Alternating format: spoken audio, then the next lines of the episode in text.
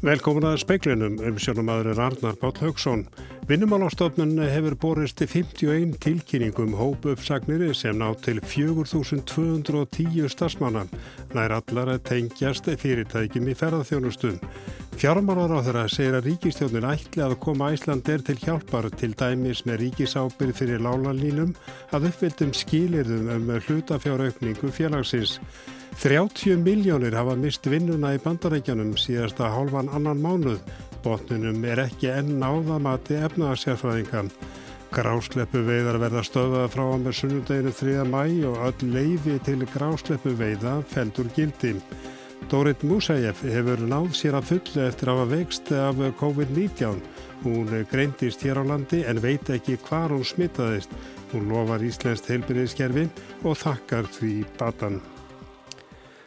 Tilkynningar frá 51 fyrirtækjum hópuppsagnir hafa borist vinnumálarstofnun fyrir þessi mánuðamót. Það er nátt til 4210 starfsmanna. Æsland er tilkynnt í dag uppsagnir 2140 starfsmanna. Nær allar þessar hópuppsagnir voru tilkynntar í gær og í dag. Í gær voru þær 15. Unnur Sverristóttir fórstjóri vinnumálarstofnunar útilókar ekki að fleiri uppsagnir berist. Svo er náttúrulega fyrir utan þessar hópilsarnir er náttúrulega fjöldi mann sem að eru það að segja upp í minni, minni fyrirtækjum sem eiga bara ekki undir lögin um hópilsarnir. Það þarf 10% af stafsmönnum eh, til að eh, það kallist mm. hópuppsögn. Já. En þessar tölur 4210 starfsmenn í 51, frá 51 fyrirtæki, þetta er enn og aftur eh, já, algjört með. Já, þetta er algjört nett í bara sögunni á Íslandi. Þetta er, það. Þetta er tölur sem við með ekki séð áður um einmánaðanótt. En, en það verður líka alveg, við má segja, tíma sem við höfum heldur ekki lifað áður. En hvenar, hvernig verður tekið á þessum umsóknum? Hvenar fær þetta fólk uh, já, greitt sjáu þið um að greiða hlut ríkisins? Nei, það, ekki, það ekki, kemur ekki okkar borð. Ég held að þetta er að útfæra hvernig það verður gert. Það er svona verið að vinna í því en þetta fólk fær náttúrulega greitt sín, greitt sín laun í uppsvonafresti og fyrirtæki fá aðstóð frá ríkinu til að standa ströym á þeim greiðslum. Og unnur segir að næri allar uppsagnirnar séu hjá frá fyrirtækjum í ferðarþjónustum eða fyrirtækjum sem tengjast henni. Ríkistjónin tekur vel í að koma Æslandir til ástóðar í endur skipulagningu félagsins að uppfylltum skilirðum um hlutafjáraukningu og fleira. Greiningadeil til landsbankars hefur áallega 22 til 29 miljardar króna vandin í reksturinn þannig að hann gangi í nýjum aðstæðum. Ríkistjónin fundaði málefni Æslandir í ráþurabústanum að lungan úr deginum. Bjarni Benediktsson er fjármálar áþra. Það er kannski verið að tala um möguleikan á ábyrð fyrir lánalínu eða eitthvað slíkt á þessum tímapunkti og þetta hangir alltaf á því að aðrar aðgerðir og önnur áform félagsins gangi eftir að þá muni þurfa að setjast niður ef að eh, það gengur upp að sækja hlutafjöð og svo framvegis að þá eh, erum við að lýsa því yfir að við verðum reyðbúin að setjast niður með félaginu. Er þið með einhver svona skilur um hversu mikið aukja hlutafjöð Æslandir þarf að afla? Já, það er bara þau áform sem uh, þeir hafa gerð, of, gerð ofinber, það eru þau sem eru til grundvallar þessu samtali. Er þátt að tala um að Æslandir verða einhverju leiti komið í ríkis eigu ef þetta gengur allt eftir? Nei, alls ekki. Fél, félagið er með fullt forrað öllum sínum málum en þá og er að bóða það að þeir ætla að uh, sækja nýtt hlutafið og halda fullu sjálfstæði sínu en uh, sem lið í fjárhásleiri endurskipilagningu hafa þeir óska eftir því að við svörðum einfallega þeirri spurningu hvort það kemur til álita gangi þeirra áform um uh, nýtt hlutafíu og, og aðra rástafanir eftir hvort það kemur til álita að við gengjumst í ábyrð fyrir lánalínu að gefnum um það sömdum skilirðum. Máli er ekki komið lengra þetta og þetta gerir okkur ekki að eigandum að félaginu. En er sem sagt svar þá ríkistöðnarinn er aftráttalust já við þessari málu um leitan Æslandir? Já, með öllu þessum fyrirvörum, já sagði Bjarni Benediktsson í samtali við Kristínu Sigurðardóttur. Hátt á fjörðu miljón bandarækjamanna sóttum atvinnuleysisbætur í síðustu viku, 30 miljónir hafa mist vinnuna í landinu síðastlið 1,5 mánuð. Nokkru færri skráðu sig atvinnulösa í síðustu viku en í vikunni þar á undan að sogna atvinnumálar áðunettisins í Washington. Þrjár miljónir 840.000 sóttu um atvinnuleysisbætur en voru 4,4 miljónir í vikunni þar á undan. Flestir skráðu sig atvinnuleysa á einni viku sent í mars tæplega 6,9 miljónir.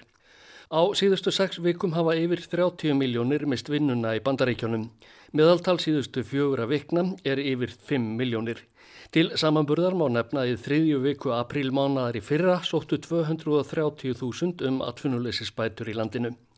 Vísbendingar eru um að atvinnuleysið sé komið yfir 15% að sögna Rauters fréttastofunar. Því hefur verið spáð að það verði 16,4% þegar ástandið verður verst. Svo fjölgun starfa sem varði eftir bankakreppuna 2008 er að engu orðin. Að sögn efnahags sérfræðinga Morgan Stanley bankans stefnir í að atvinnuleysið verði þið versta í bandaríkjónum frá því í kreppunni miklu á fjórða áratug síðustu aldar. Áskir Tómasson sæði frá. Skólar þurfa sína sveiarleika og skilning vegna áhrifa COVID-19 faraldur sinns segja skólastjórnendur erfið sé að segja til um hvort það leiði til þess að gæði náms rýrni. Mentamál voru í brennidepla á upplýsingafundi almannavarna í dag. Jón Alli Benediktsson, rektor Háskóli Íslands, sagði að áhersla hefði verið lögð á gæði í viðbröðum við faraldrinum. Hann sagði að í hverri námskrein hefði verið lagst í vinnu við að meta hversu mikið yrði að vera inni í náminu. Verkleg kjensla var snúin. Í sömum tilveikum þá færiðist hún bara aftur fyrir og jafnvel á næsta misseri en í sömum tilveikum var hún leist öðruvísi. Þá er bara spurningin sko rýrnuðu gæðin, það er náttúrulega sennilega eitthvað en eh, ég bara get ekki svara nákvæmlega hversu mikið en, en við urðum bara að vera að lausna miðu, það er bara alveg á hreinu. Jón Alli sagði að miklum tíma hefði verið varið í að skipulegja námsmatt svo það væri eins gott og hægt er. Hann sagði erfitt að segja til um hvort að slegið hefði verið af kröfum. Hildur Yngvarstóttir, skólameistari tækniskólans, sagði að meðal annars hefði þurft að vinna gegn brottfalli nefnda. Það hefur verið lögð mikil áherslu á það. Við held ég bara kennara og allt annað starfsfólk að við verðum að sína sveianleika. Það skiptir öllu máli að halda krökkunum í skóla, eh, valda ekki of miklu álægi. Hvort að það kemur niður á því að einhver náðu ekki að læra einhvert eitt eða tvö atrið, það verður þá bara að hafa það. Eh, stóra atrið er að gera allt sem við getum og halda svo áfram. Hildur hvaðst vona að gæði náms hefði ekki rýrnað þótt að hefði óneitanlega tekið breytingum. Brynjólfur Þór Guðmursson saði frá. Ákveðu verið að stöða grásleppu veðar frá að með sunnudeginu 3. mæ og fell öll leifi til grásleppu veið úr gildið. Þó verður heimilt að gefa út veiðilefi til þeirra sem stunduðu grásleppu veður á breyðafyrði tvö síðust ár. Ástæða þess að veðarnar eru stöðvar er gríðar, gríðar mikil veiði fyrir austan og norðan. Rúm 4.000 tonn eru komin á land en heildaráðgef Havró var rúm 4.600 tonn. Því stemdi í allur kvótin kláraðist áðurna veiðar getur hafist fyrir vestan. Framkvæmdastjóri landsamans smábátaegenda segir afar óhefilegt að góður afli verði til þess að stöða veðarnar veiðir ágjöfin sé greinlega ekki í takt við ástand uh, stoppsins. Dórit Músef, fyrirverandi fórsetafrú, vektist af COVID-19 en hefur náð sér að fullu. Hún veit ekki hvað hún smitaðist en þakkar fyrir að hafa greinst hér á landi og notið heilbriðistjónustu hér. Hennar Ólaf Ragnar Grímsson smitaðist ekki. Fortunately, I was in Iceland again. I know it affects very many people very badly. Five days I don't remember at all. I just was sleeping most of the time. It appears I had reasonably high temperature. I had muscle pain. I was totally isolated. And because of the wonderful care of the doctors in Iceland, whilst I didn't have to meet them, they just spoke to me on the telephone. I'm happy to say I'm fully recovered. Dorriti sér að hún vita að margir hafi veikst illa. Hún muni lítið fyrstu fimm sólarhingana eftir hún veiktist, hafi sofið meira og minna þann tíma. Hún var í algjörði einangrun, fekk háan hýta og vöðva verki. Hún segist taka fullan bata sinni ábræðs heilbriðistjónustu hér á landi Jáfnveil þó að hún hafi aldrei hitt að lækna heldur aðeins rætt við þá í síma og það var tala við Dorrit í sítiðisútvarpi Rásar 2 í dag.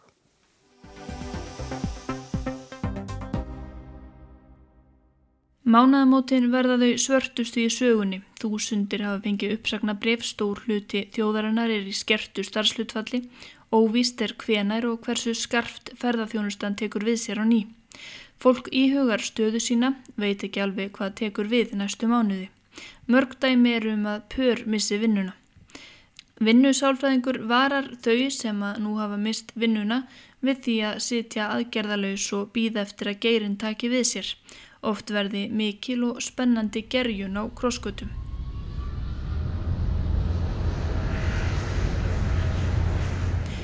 Eigló Óluf Birgisdóttir flugfræja fekk uppsagnabrið frá Æslandir núnum mánaðamótin. Manninum hennar, flugmanni hjá Æslandir, var líka sagt upp störfum og viðblasir óvisa. Við erum ekki eini í þessu. Það eru bara, ég var, var spurðið með það þessu gær og hvað heldur þetta sem mörgpur og bara á einni mínutu var ég komin upp í 30 pör þannig að það er örgulega miklu miklu meira. Það lág í loftinu að Æslandir myndi segja upp fólki en Eigló segir það samt hafa verið áfall og dagurinn dapurlegur. Þetta var náttúrulega algjörlega fyrir sér en maður er náttúrulega hjálp alltaf í vonina að, að þetta er ekki svona stórt. Margir sem að starfa hérna hafa starfað hérna í, fjölda fjölda ári eins og maður er minn með 25 ára starfsæltur akkur núna í april og þannig að þetta er, er já, já, þetta var svolítið stórst og mikið svona sjokk þó, þó við hefum verið undir það búið. Þannig þið kannski byggust ekki við að sjá þessa tölur? Alls ekki, alls ekki. Þetta er alveg gríðilega stóra tölur. Tekjurnar verða óskertar næstu mánuði en Eigló hefur áhugir af því hvað tekur við eftir það. Það þarf að herða ansi vel söldarólina ef við verðum bæði launalus í haust Þannig að þetta er svona, maður þarf að endur skipilegja lífið, það er alveg klart mál. Eigló segir mikla samstöðu og samkendi í hópi þeirra sem sagt var upp hjá Æslandir í vikunni. Það er strax byrja að planleggja gönguferðir og, svona hýttinga og, og, og þannig að það er fólk mun halda saman held ég svolítið svona út sömur að minnstakosti og eins og náttúrulega höldum öll í vonin að eitthvað sem uppsögnum verið dreyið tilbaka Kolbrún Sigurðardóttir er ferðamálafræðingur og starfar hjá ferðaskrifstofunni Nordic Visitor. Maðurinn hennar starfar hjá annari ferðaskrifstofu. Þau eru bæði á hlutabóta leiðinni. Kolbrún vinnur nú tvo tíma á dag en veiran fór að hafa áhrif á störfennar strax í janúar þegar kynverjar tóku að aflýsa hópferðum. Svo byrjar þetta hérna að vera bara helst þegar Trump setur ferðabannið á. Þá aflýsast einmitt svona kanahópar bara með nokkur dag fyrirvara. Og eftir það hefur maður verið svolítið í svona ápókunar mótus að sjálfsögðu. Um, þannig að við erum sendt heim þar sem komum að senda, set, á. Og við byrjum sérst, ég byrja í 25% starfslutalli uh, þarna bara í lók mars. Hún segist að það var áhyggjur af fjárhagnum til framtíðar. Að sjálfsögðu, við höfum fjárhagn ég, me, ég meirinn maður minn, við skulum hafa það á hreinu. Hann er, hann, hann kannski er næra að róa mig aðeins maður er svona aðeins kannski að horfa fjárhæn og taka til og ef það er eitthvað sem er ónauðsynlegar áskriftir til næmis að taka þær út og svo hefur við alltaf hort á það að fyrsta lánin. En aftur á móti, mér finnst það ekkert að vera besta lausnin á meðan við getum borgað öllum okkur lánum. Eithór Edvarsson, vinnustæðasálfræðingur og ráðgjafi hjá þekkingarmiðlun segir uppsagnirnar nú minna sig á hrunið. Þessi af svipuðum skala. Þetta er svolítið massíft, svolítið stort, mikið Það er alltaf erfitt að missa vinnuna en rannsóknir benda til þess að það leggist ekki jafn þungt á fólk andlega að missa vinnu í hópuppsögn þar sem ástæður fyrir uppsögnunum eru skýrar. Slíkar uppsagnir tengjast sjálfnast framistöðu einstakra starfsmanna. Eithór segir þetta að setja svipsin á andrumsloftið nú. En hér er bara svaklega margir lendið saman að stemmingin alltaf eru þessi. En svo sjáum við að því gerðum með æslandir en að taka mynda sér í búningnum og svona mikið samstað með fyrirtekinum sem var að þó að segja um upp. Og það sem er líka núna sérstaklega og hefur áhrif að stöðun líka er að með sjá frambúrusu þannig að það er ekki framöndan eitthvað, eitthvað vonleysi, það er, það er von framöndan hvena nákvæmlega þetta er innan það hefur líka áhrif að hvernig fólk eru upplifað þetta. Og þessi er alltaf erfitt, það er alltaf gott að geta séð.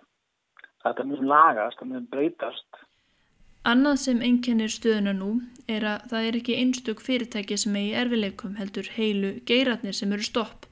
Það liggur því ekki endilega beinast við að endur nýja félskrána, skrifa kynningabref og senda keppinutnum. Fólk kann að þurfa að söðla um eða býða. Eithór segir eðlismun á aðstæðum þeirra sem að missa vinnuna og þeirra sem að er á hlutabóta leðinni.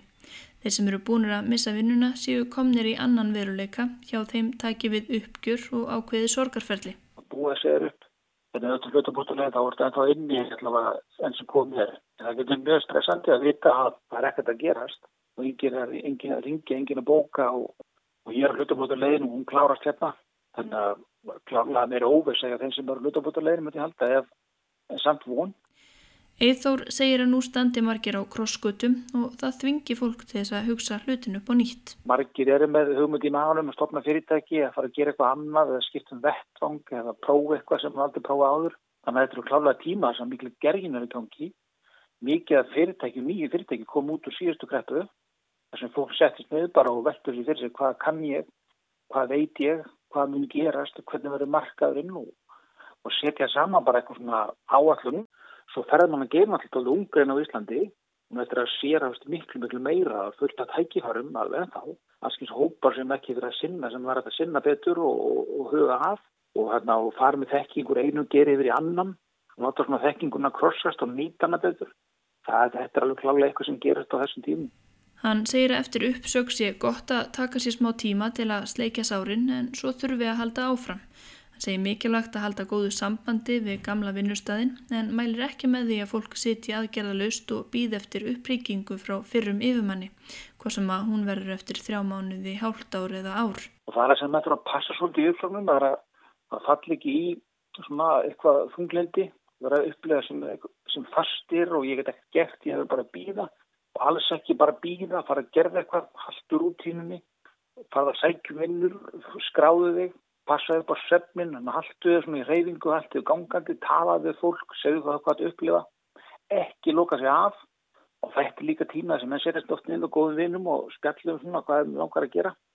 Og það er bara mjög holdt fyrir alla að, að skiptum geir og ekki hugsa bara í flugmar og er, bara fljúa hér eftir. Að fara úr geiranum í eitthvað annað, prófa, koma svo tilbaka. Og þegar það sækjum starf þá er líka hort til þess að allir veitundum hvað varst að gera í mittiltíðin, varst að bara býða eða tókstæðar annir störf.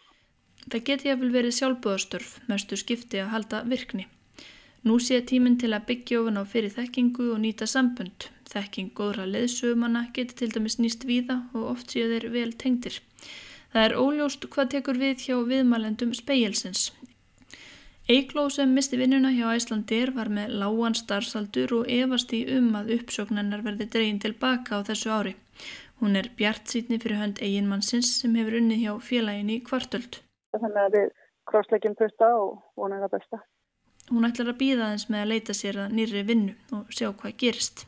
En að sjálfsögðu þá fer ég að, að leita mér að annari vinnu fyrir að koma þér inn í sumarið en En eins og, eins og fréttir hafa verið að það sé mikið um aðtunleysi þá verður ansið erfitt að finna aðra vinnu og eins og fyrir eiginmann minn sem hefur ekki starfaði neitt annað þá veit ég ekki alveg hvernig verður eins og með hann og það er nú ekkert í bóði út í heimi eins og að, að fara að fljúa þannig að þetta verður, þetta þurfum við að grannskoða maður þarf kannski bara að taka uppegi og fara að gera eitthvað allt annað, bæðið tvö.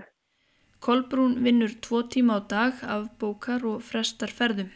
Óvissan um hvena veru hægt að ferðast aftur er mikil og óljóst hvort kreppan verður vafflaga, niður og strax upp, ulaga, það er segja erfitt tímabil en svo aftur gangur, eða ellaga að við verðum á botninum í langan tíma. Verður maður ekki bara að vera bjart sín og vona að þetta verður nú ekki ell, frekar meira au. Hvernig sérður henni bara næstu mánuði fyrir þér? Ætlar að leita þér að einhverju viðbútastarfi í sumar? Ætlar ég að sögla um eh, eða ætlar að býða eftir því að og vona bara að allt rökkvi aftur í gang sem fyrst. Þetta er náttúrulega mjög erfið staða í oknublikinu því að komundur ferðjónustu það er ekki eins og maður sé að fara núna út og leita sér að starfi hjá einhverjum öðrum eða veist, ef, ef þetta skildi fara á vestaveg hjá mínu fyrirtæki það er engin störfi bóði, það er engin að ráða og ég held mér þess að það, ég hef það svona pín á tilfinningunni að það sé ekkit bara í ferðarþjónustunni heldur að sé kannski bara fólk sé svolítið að halda aftur að sér eða halda sér höndum almennt. Ég er í mastersnámi með vinnunni bara svona taka því taka það hægt og rólega með.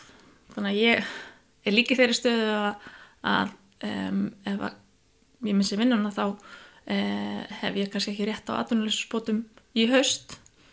Um, maður er bara mjög fegin að hlutabóta leiðin þar voru námsmenn eða þar var undatekningar ákveð að námsmenn áttur líka rétt. Þeir segja vanalega er að þannig að þú ert í meirin tíu einingum það átt ekki rétt á atvinnuleysisbótum. Þeir segja bara talaði við lín. Þannig að það hefur náttúrulega líka áhrif á hausti hjá mér sko, þannig ég veit ekki alveg. já, þannig að já, þetta er stressandi Ef allt fyrir að versta vega ætti meistaran ám Kolbrúnar í verkefnastjórnun að nýtast henni til að hasla sér völl á nýju sviði en hún og maðurinn hennar vona að það fara að koma gangur í ferðasöluna. Við vonum að það fara að pikka upp, fólk fara að horfa þá allan að bráðum á setni hluta árs, hausti, veturinn og næsta árs og jáfnveg lengra fram tíman. Og það var Arnildur Haldunadóttir sem tók þennan pistil saman.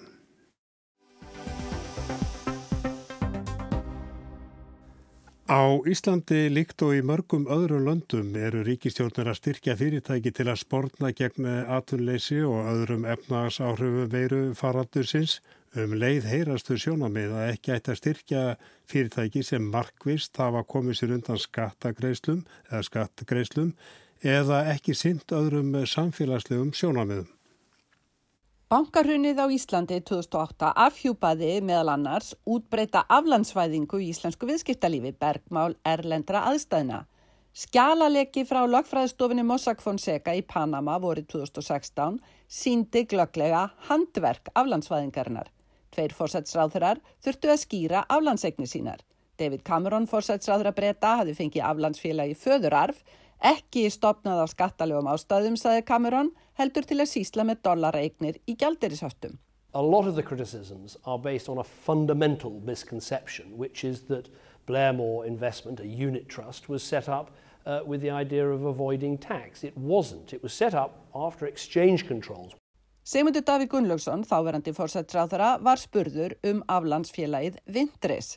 Mr Prime Minister, what can you tell me about a company called Vintris? Forsætsráðura sagði þetta félag konu sinnar og Jumsjón banka. Bankin sett um eitthvað fyrirkomulega á því uh, og úrvarð þetta fyrirtæki eða, eða ég kann ekki einu svona át allt saman. Sem kunnugt er sagði Sigmundur Davíð af sér eftir að viðtali var sínt. Panamalekin síndi glögglega að aflandsvæði nýtast bæði skattasamhengi og til að fela eignarhald. Ímið samtök vinna hörðum höndum að því að knýja fram lagabreitingar og gagsægi sem hagsmunaverðir aflandsvæðingarnar berjast yðurlega harkalega á móti. Til dæmis hér í Breitlandi, einni höfuðstöð aflandsvæðingarnar. Nú herjar COVID-19 veiran á heiminn og þjóður standa frammi fyrir miklu viðtækari björgun viðskiptalífsins en var 2008 og þá heyrist spurt eiga ríki að styrkja fyrirtæki sem um árabil hafa forðast skattgreðslur í löndunum þar sem fyrirtækin leita nú aðstóðar. Í Danmörku er svarið nei. In Denmark we have made a simple but fair demand that when we use taxpayer money to support struggling business during the corona crisis, no business can receive any compensation if they use tax haven to avoid paying their taxes. Í Danmörku gerum við einfalda en sangjarnakröfu þegar við notum fyrir skattgreðenda til að hjálpa fyrirtækjum í krokkum vegna veirukreppunar fá fyrirtæki sem nýta skattaskjól ekki neina fyrirgreðslu, útskýrði Jakob Mark, þingmaður Sósialíska þjóðarflokksins. Einn mitt fyrirtæki sem leggja sig fram um að greiða sem minnst til samfélagsgæðana geta varðla krafist þess að samfélagið bjargi þeim. En dönsk aflandsvætt fyrirtæki þurfa þó litla kvíða. Viðmiðun dönsku stjórnarinnar er skattaskjólslisti Evropasambandsins sem aðeins telur 12 lönd eða svæði, til dæmis Óman, Panama og fleiri fjarlæga staði. Glataður hagnaður þjóða eða The Missing Profit Donations er rannsóknarverkefni í franska hagfræðingsins Gabriel Zuckmans og fleiri. Þeim reiknast til að af þeim miljardum danskra króna sem árlega renna í skattaskjól fari aðeins rúmlega 6% til landana á svartalista ESB. Tæp 90% fjárins renna til annara ESB-landa, til Írlands, Hollands, Möldu og Luxemburgar sem Trúkmann og fleiri telja skattaskjól. Pólska, ítalska, franska og belgiska stjórnin hugleiða gera það sama og danska einnig á grundvelli ESB-listans.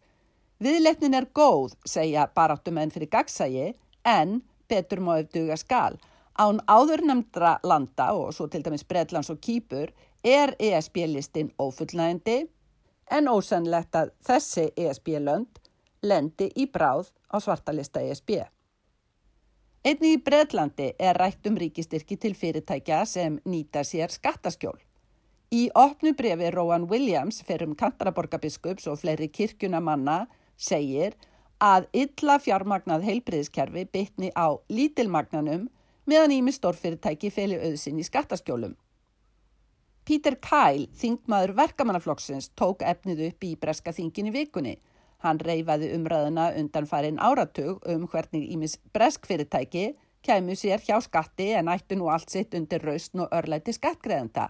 Kæl spurði Rísi Súnag fjármálaráð þeirra hvort hann var ekki til í að vinna í því eftir veruvanna að þessi fyrirtæki legðu sitt til samfélagsins. Let's aim for not business as normal when we get back from uh, after this crisis. Let's aim for business as better. Ekki stefna á viðskipti eins og venjulega þegar við sleppum úr þessari kreppu. Stefnum á betri viðskipti, sagði Kæl.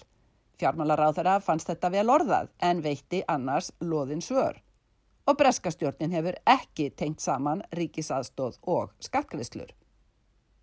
Samtökinn Tax Justice Network telja Evropasambandslöndin glata skattekjum í miljardavís að því fyrirtæki nýti samspil aflandsvæða og skattalaga í fjórum Evropalöndum Sviss, Bredlandi, Luxemburg og Hollandi sem samtökin kalla öksul skattahæraðisins. John Christensen, sérfræðingur samtakana, sagði nýlega fyrirtæki sem nýta skattaskjól og skila ekki uppgjöri fyrir hvert land ætti ekki að fá ríkisaðstóð. Og svo eitt í viðbót. Any company which has hollowed out its balance sheet through excessive dividends and executive payouts or has burdened the balance sheet through huge levels of debts or have used their reserves to buy back shares rather than invest in new products and productive capacity, then again, no bailout.